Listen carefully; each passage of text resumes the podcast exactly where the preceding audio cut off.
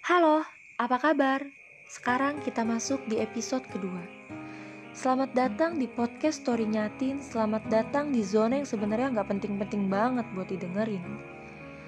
Tapi berhubung karena lo udah ngeklik linknya dan akhirnya lo udah ngedenger suara ini, alangkah lebih baiknya kalau suara ini lo dengerin sampai habis. Tapi uh, mohon maaf banget untuk episode kedua kali ini. Gue itu ngerekordnya di kampung halaman di kampung tercinta. Jadi masih bener-bener banget suasana alam.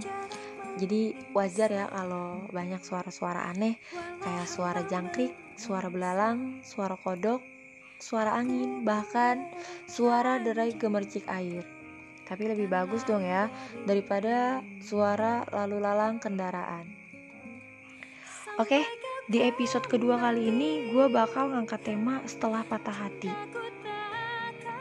Kenapa sih harus diangkat tema setelah patah hati? Oke, karena emang sekarang lagi waktunya mungkin kali ya.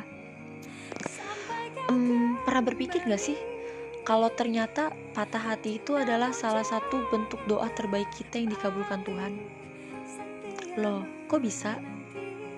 Pernah gak sih uh, lo itu berdoa, ya Tuhan, jika memang dia yang terbaik, mohon didekatkan. Tapi jika sekiranya memang kurang baik, mohon tolong dijauhkan dan diberi rasa ikhlas. Jadi, di antara dua doa lo itu salah satunya adalah bentuk jawaban terbaik yang dikabulkan Tuhan. Pernah ada yang uh, eh, nge-DM gue terus nanya kayak gini kak sebenarnya yang sulit dilupakan itu yang pernah menjalin hubungan lama atau hubungan baru sebentar banyak kenangan sih mm. sebenarnya yang namanya melupakan itu dan setelah patah hati karena perpisahan dan berakhirnya suatu hubungan tidak menjanjikan atau tidak menjawab mana yang paling mudah dilupakan, yang lebih lama atau yang lebih cepat, atau yang lebih bentar gitu ya. Tapi serta uh, secara psikologi yang sulit dilupakan itu yang menyentuh hati. Jadi Allah mau menjalin hubungan berapa lama pun bahkan sampai melibatkan dua antar keluarga dua antar lingkungan. Nah, contohnya kayak temennya sahabatnya gitu ya. Sebenarnya sih itu bukan jadi patokan untuk sulit dilupakan.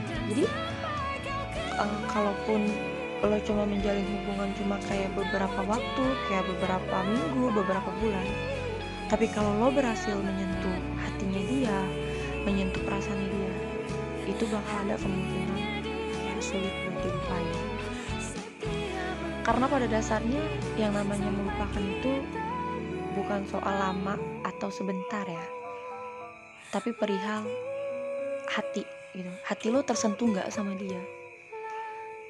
Jadi kalau lo bertahun-tahun walaupun lo bersama tapi hati lo nggak tersentuh ketika dia menemukan orang baru itu gampang banget buat ngelupain gitu loh.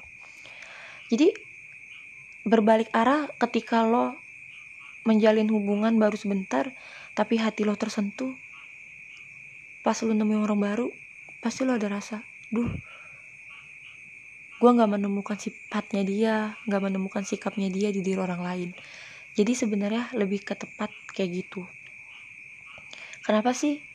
Uh, pas setelah patah hati setelah berpisah setelah berakhirnya suatu hubungan laki-laki gampang banget ngelupain gitu kan. Sebenarnya kalau untuk dibahas secara psikologi ya laki-laki yang kelihatannya gampang melupakan itu hanya tampak luar. Kenapa sih tampak luar? Cara berpikir cara um, melakukan sesuatu bahkan cara dia menunjukkan keadaan tuh beda sama perempuan. Jadi gini kalau perempuan setelah patah hati setelah berakhirnya suatu hubungan mungkin untuk beberapa waktu lama ya kayak beberapa minggu satu bulan atau dua bulan dia kayak bener-bener sedih bener-bener galau bener-bener kayak merana gitu kan. Sedangkan laki-laki setelah putus setelah berakhirnya suatu hubungan pasti kelihatan kayak happy bahagia seneng bahkan masih bisa-bisanya nongkrong sana sini kan sama teman-temannya. Apalagi ketika seseorang laki-laki itu dia punya organisasi punya komunitas punya tongkrongan. Itu yang lebih nggak terlihat lagi. Sebenarnya secara psikologi dan secara harfiah tuh kan gaya banget gue ya laki-laki itu menutupi. Sekarang kita sebagai perempuan ketika sedih kita ungkapin hari itu juga lambat laun lama kelamaan rasa sedih itu akan tertutup. Pasti bakal berpikir ah buat apa gue sedih lagi? Percuma gue sedihin kayak gimana juga dia nggak bakal balik lagi. Percuma dong.